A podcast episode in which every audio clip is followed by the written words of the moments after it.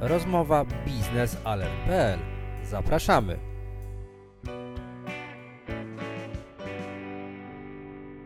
Rozmowa biznesalert.pl. Bartłomiej Sawicki. Witam Państwa w kolejnym wydaniu naszego programu. Tym razem porozmawiamy o rozwoju polskiego górnictwa naftowego i gazownictwa. Polskie Górnictwo Naftowe i Gazownictwo zaprezentowało kierunki rozwoju spółki na kolejne lata. Koncern gazowy chce postawić na produkcję biogazu oraz wodoru.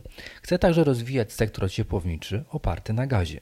To istotna zmiana w dotychczasowych kierunkach rozwoju spółki. Niezmienne pozostanie jednak jedno kierunek na niezależność i dywersyfikację źródeł oraz dostaw błękitnego paliwa. Do końca roku ma dojść do aktualizacji strategii na lata 2017-2022. Co może ona zawierać? Jak mówił podczas konferencji prasowej pan Jerzy Kwieciński, prezes e, zarządu PGNiG-u, bezpieczeństwo energetyczne kraju i dywersyfikacja dostaw paliwa gazowego pozostaną priorytetem spółki. Niezmienne będą również środki, które będą prowadzić do jego realizacji, a więc pełne uniezależnienie się od rosyjskiego gazu po 2022 roku, a także rozwój własnego wydobycia w kraju i za granicą. Jerzy Kwieciński podkreślił, że w procesie transformacji polskiej energetyki gaz ziemny ma do odegrania istotną rolę. Dlatego też PGNiG zamierza m.in. nawiązać ścisłą współpracę z samorządami, aby rozwijać ciepłownictwo oparte właśnie na gazie ziemnym. Podobnie jak BP, Equinor czy polski PKN Orlen, PGNiG chce dywersyfikować kierunki rozwoju poprzez inwestycje w zielone technologie. PGNiG chce postawić zarówno na rozwój e, źródeł produkcji, jak i na budowę sieci dystrybucji, e, które gdzie chce produkować biogaz. E, w podobnym wolumenie, jaki obecnie wydobywa gaz ziemny z krajowych złóż. To zupełnie now, nową w strategii spółki, nie znamy jednak horyzontu czasowego oraz lokalizacji źródeł produkcji. 4 miliardy metrów sześciennych w skali roku to pokaźny wolumen, a taki właśnie mniej więcej wolumen ma być produkowany w biogazie. E, zwłaszcza jeżeli on jest pokaźny, jeśli popatrzymy na skalę zużycia gazu w Polsce, która w 2019 roku osiągnęła około 19 miliardów metrów sześciennych. W jaki sposób PGNiG chce rozpocząć rozwój biogazu? Mówi prezes PGNiG-u pan Jerzy Kwieciński. Możliwości do rozwoju biogazowni i w oparciu o to budowania lokalnych rynków energii i ciepła jest naprawdę, naprawdę bardzo duży.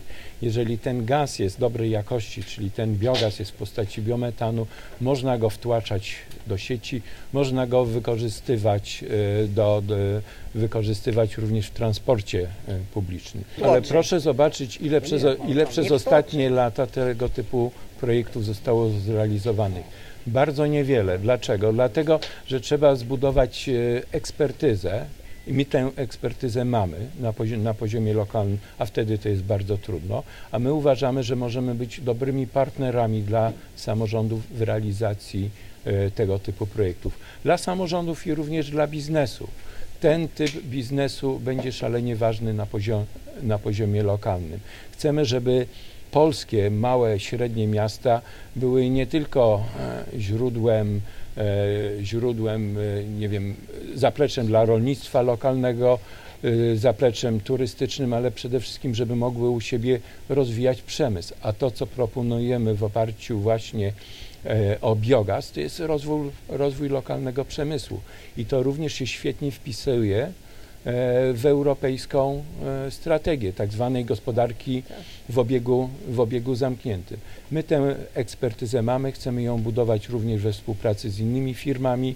Wspomniałem tutaj Polski Fundusz Rozwoju, wspomniałem również inne firmy energetyczne i uważamy, że to jest ten potencjał niewykorzystany jeszcze w Polsce.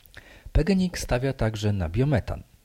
Spółka ma zidentyfikowane zasoby 7 miliardów metrów sześciennych biometanu.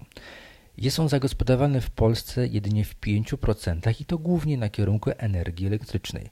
PGNiG chce mieć dominującą pozycję w zakresie wytwarzania biometanu, jak i zatłaczania go do sieci dystrybucyjnej. Mówi prezes PGNiG pan Jerzy Kwieciński. Uważamy, że obecnie rozwijane technologie i na świecie, ale również pozwalają już na to, żeby ten, e, żeby ten gaz, czyli biogaz e, otrzymywany właśnie z biomasy, miał nie tylko postać biogazu, czyli takiej mieszaniny węglowodorów, ale żeby był bardziej szlachetny. Kolejnym elementem, który może znaleźć się w zaktualizowanej strategii spółki jest rozwój ciepłownictwa opartego na gazie. Spółka chce wzmocnić obszar ciepłownictwa, a sama będzie chciała zostać integratorem tego rynku w kraju. Zdaniem spółki ciepłownictwo powinno być silnie zintegrowane z rynkiem e, gazowym.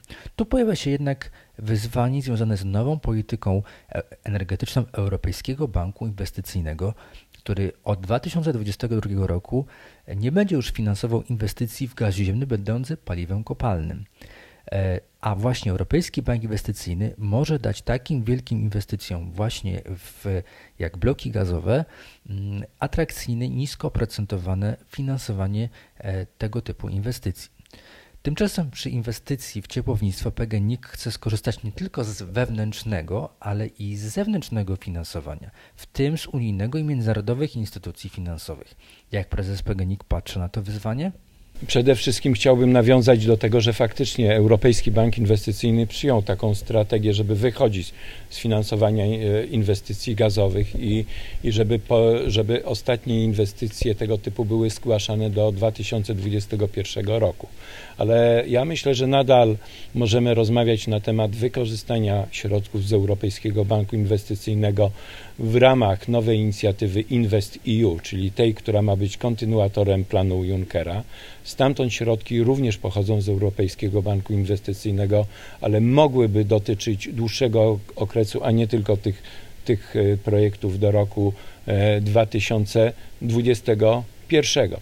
Więc wydaje mi się, że jeszcze pewne, pewna przestrzeń, pewne miejsce jest do dyskusji. Również dlatego, że w ramach tego nowego ładu zielonego w Unii Europejskiej, który w tej chwili będzie e, e, dy, dyskutowany, mamy nowy fundusz, fundusz klimatyczny. On również będzie oparty na, na środkach e, pochodzących z Europejskiego Banku Inwestycyjnego i chcielibyśmy, żeby ten okres realizacji tego typu projektów był dłuższy, bo dla nas, dla Europy Środkowo-Wschodniej, szczególnie dla Polski, wykorzystanie gazu w tym okresie przejściowym jest absolutnie kluczowe. Uważamy, że również to jest z tego, e, e, z tego punktu widzenia bardzo ważne, że w przyszłości gaz, e, przepraszam, wodór nie w całości, ale w dużym stopniu może zastąpić może zastąpić gaz, gaz ziemny.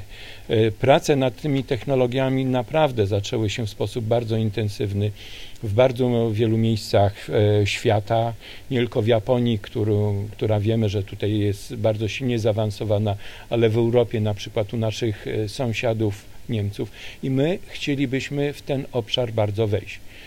Ja widzę, że zainteresowanie technologiami wodorowymi jest u nas w Polsce, tylko jest rozproszone w, w licznych podmiotach.